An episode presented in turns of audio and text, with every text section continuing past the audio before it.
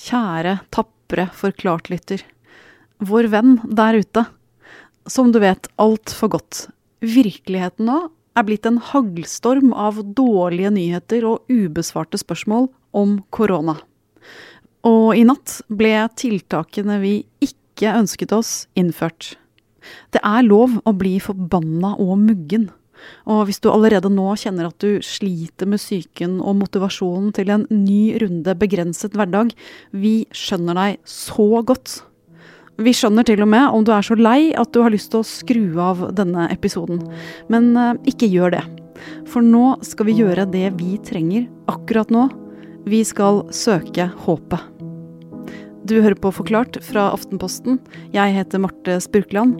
Det er onsdag 15. desember.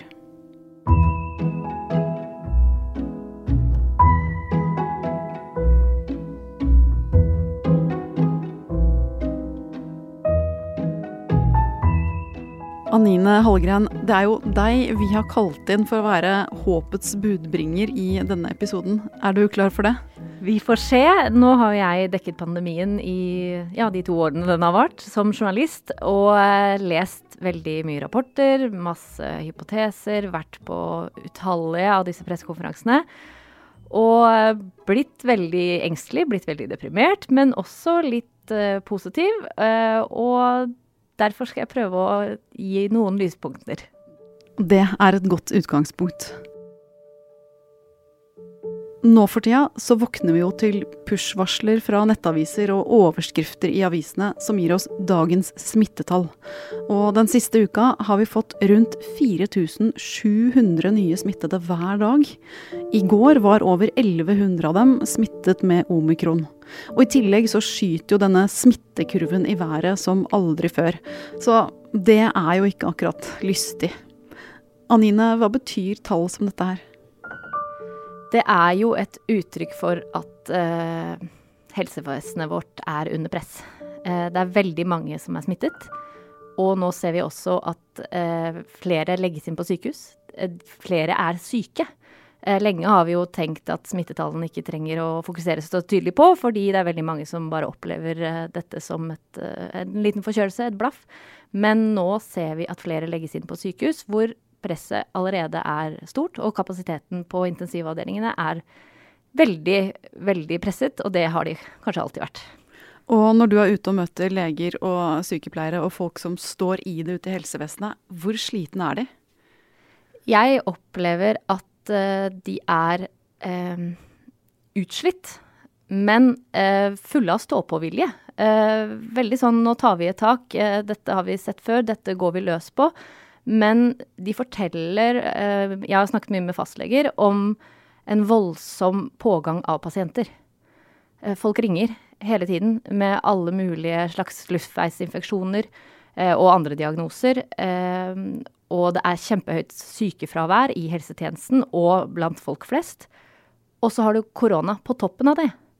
Så man forteller om en belastet helsetjeneste der man lurer på Kommer det til å bli bedre, eller klarer vi å stå i dette litt til? Så på mandag måtte igjen statsminister Jonas Gahr Støre gå på talerstolen. Ja, eh, kjære alle sammen. Jeg vil begynne med å si det på denne måten. Nå er det alvor. Og igjen blir det skjenkestopp og begrensninger på arrangementer og uteliv. Det er en stor belastning det vi nå annonserer for mange mennesker og for en god del bedrifter. For mange vil dette oppleves som en nedstengning, om ikke av samfunnet, så av deres liv og levebrød. Ja, nettopp. Tiltakene som innføres nå, er riktignok ikke det aller strengeste vi har vært med på de siste to årene, men vi er enige med statsministeren. De oppleves som en stor belastning. Anine, hvorfor trenger vi disse tiltakene? Vi trenger dem hovedsakelig for at eh, helsevesenet vårt ikke skal eh, kollapse. Vi trenger det for at vi skal ha nok friske folk på jobb til å ta vare på oss hvis eh, vi får alvorlig sykdom, alvorlig akutt sykdom, eller hvis vi er barn eh, som blir alvorlig syke, eh, til å hjelpe de virkelig sårbare. Eh, og til å bemanne samfunnet da, og få samfunnet til å gå rundt. For det de er veldig redd for nå, er at det blir så mange som er syke, som er borte fra jobben, sånn at det vanlige samfunnet vårt ikke går rundt. Og da tenker jeg jo at myndighetene er bekymra for sånn samfunnsviktige, kritiske funksjoner som uh, En ting er helsevesenet, men også på en måte politi, sikkerhet, forsvar, matleveranser, vann. Alt det andre. Og det kan jo oppleves som et litt sånn skummel knekkpunkt når vi må begynne å bekymre oss for alt det der og der. Um, ser du noe håp? Altså, eh, det jeg ser av håp, er jo at uh, det skjer ting. Eh, vi har levd med dette nå i to år. Vi har lært veldig mye. Vi har mange flere virkemidler til å bruke når det går skikkelig ille. Og at hele verden er jo fokusert på dette. Det forskes på vaksiner, det forskes på smitte, det forskes på sykdom. Alt dreier seg jo om denne pandemien. Og det er jo bra. Det er liksom fullt fokus.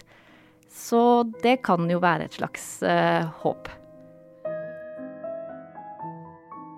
Og med hele verdens samlede oppmerksomhet i ryggen, har vi klart å finne hele fem helt konkrete grunner til å håpe, selv midt i tjukkeste omikronbølgen.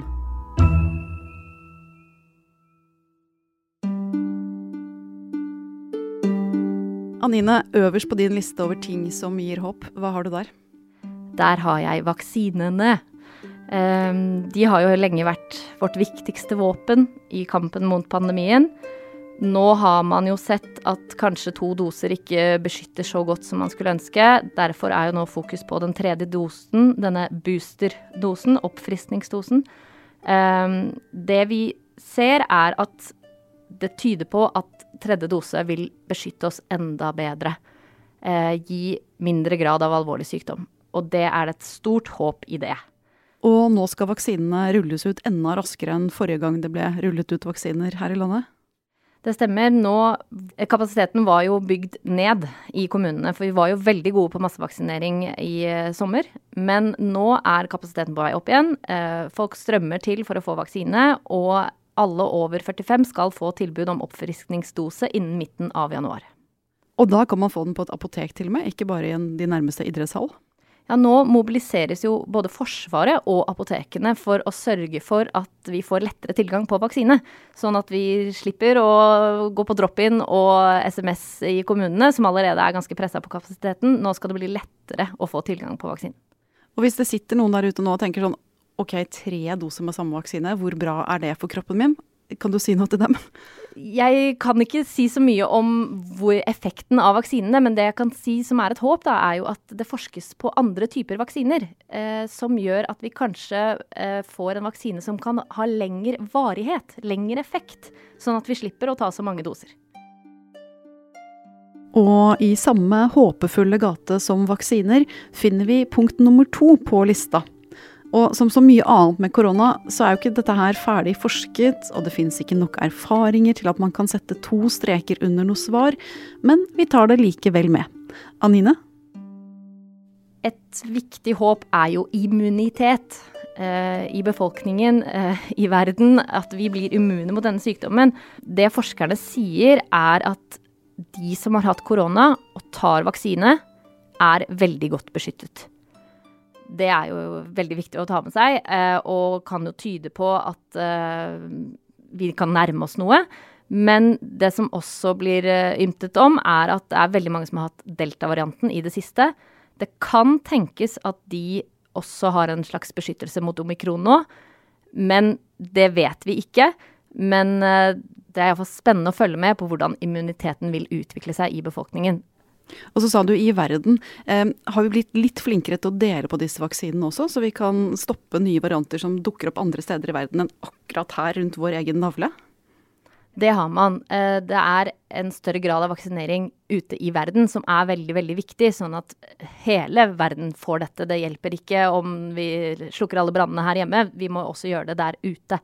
Men en annen ting som er veldig viktig nå, er jo at verden kommuniserer mye bedre, både når det gjelder vaksinedistribusjon, men også utvikling av vaksiner og legemidler. Eh, man har blitt flinkere til å dele oppskrifter med hverandre, og man har blitt flinkere til å dele informasjon. Og her, kjære lytter, merk deg ordet legemidler. Punkt nummer tre på lista vår. Dette ordet kommer forhåpentligvis til å gli inn i samtalen om korona fremover, og det er litt nytt. Det er veldig nytt, eh, men det kommer nå flere typer legemidler som er på vei inn i norsk helsetjeneste, som er kanskje faktisk en pillekur du kan få på resept. Eh, og du kan ta den kuren i starten av eh, koronasykdom. Og det har forskerne veldig tro på, at det kan hindre alvorlig sykdom. Og da er vi kommet langt på vei. Da har vi kommet til håp nummer fire på dagens liste. Et punkt som omfatter veldig mange. Det er folka. Vi har veldig mange som jobber i helsevesenet, og som står på, og som gir av seg sjøl og er slitne, men bare fortsetter å jobbe. Vi har pensjonister og vi har studenter som melder seg til tjeneste. Vi har uh, leger og sykepleiere som kanskje sitter på kontor til vanlig, men som uh, ønsker å bidra i pandemien.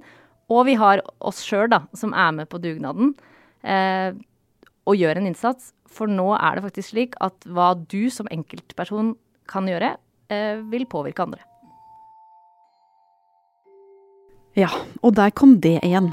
Altså ordet som er blitt tømt for innhold, og som har gitt oss utslett av irritasjon mer enn én gang i løpet av pandemien dugnad. Men dette ordet må vi altså nå gi innhold og omsorg en gang til, og så må vi håpe at det virker denne gangen også. Og helt til sist, punkt nummer fem. Håpet om at omikron kanskje skal utvikle seg til noe som ikke er så innmari farlig. Deler du det håpet, Anine?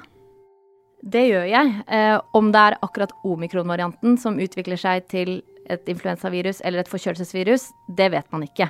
Men jeg hørte assisterende helsedirektør eh, Nakstad sa at kanskje blir dette en årlig greie som vi lever med. At dette er et virus vi tar eh, vaksine mot, sånn som eh, influensa, på høsten og vinteren. Som en vanlig sesongforkjølelse, et vanlig virus som vi lever godt med. Og det håper jeg også, at det er den veien vi går. For det tror jeg vi kan leve med. Så når vi kommer så langt som til påske, da, altså det verste slapseværet er over, sola har begynt å varme skikkelig igjen, hvordan har vi det da, tror du? Jeg håper at uh, vi har det bra, og at vi har lært en del. Uh, og at vi kanskje ser at uh, pandemi er noe man må være forberedt på. Kanskje vi har sett nærmere på beredskapen, kanskje vi har sett nærmere på intensivplassene intensivsykepleiernes situasjon, hvordan barna takler pandemi, eh, hvordan det påvirker oss på det store bildet. Fordi eh, det er vel noe her vi bør lære å ta med oss videre. Så friskere og ganske mye klokere. Håper det.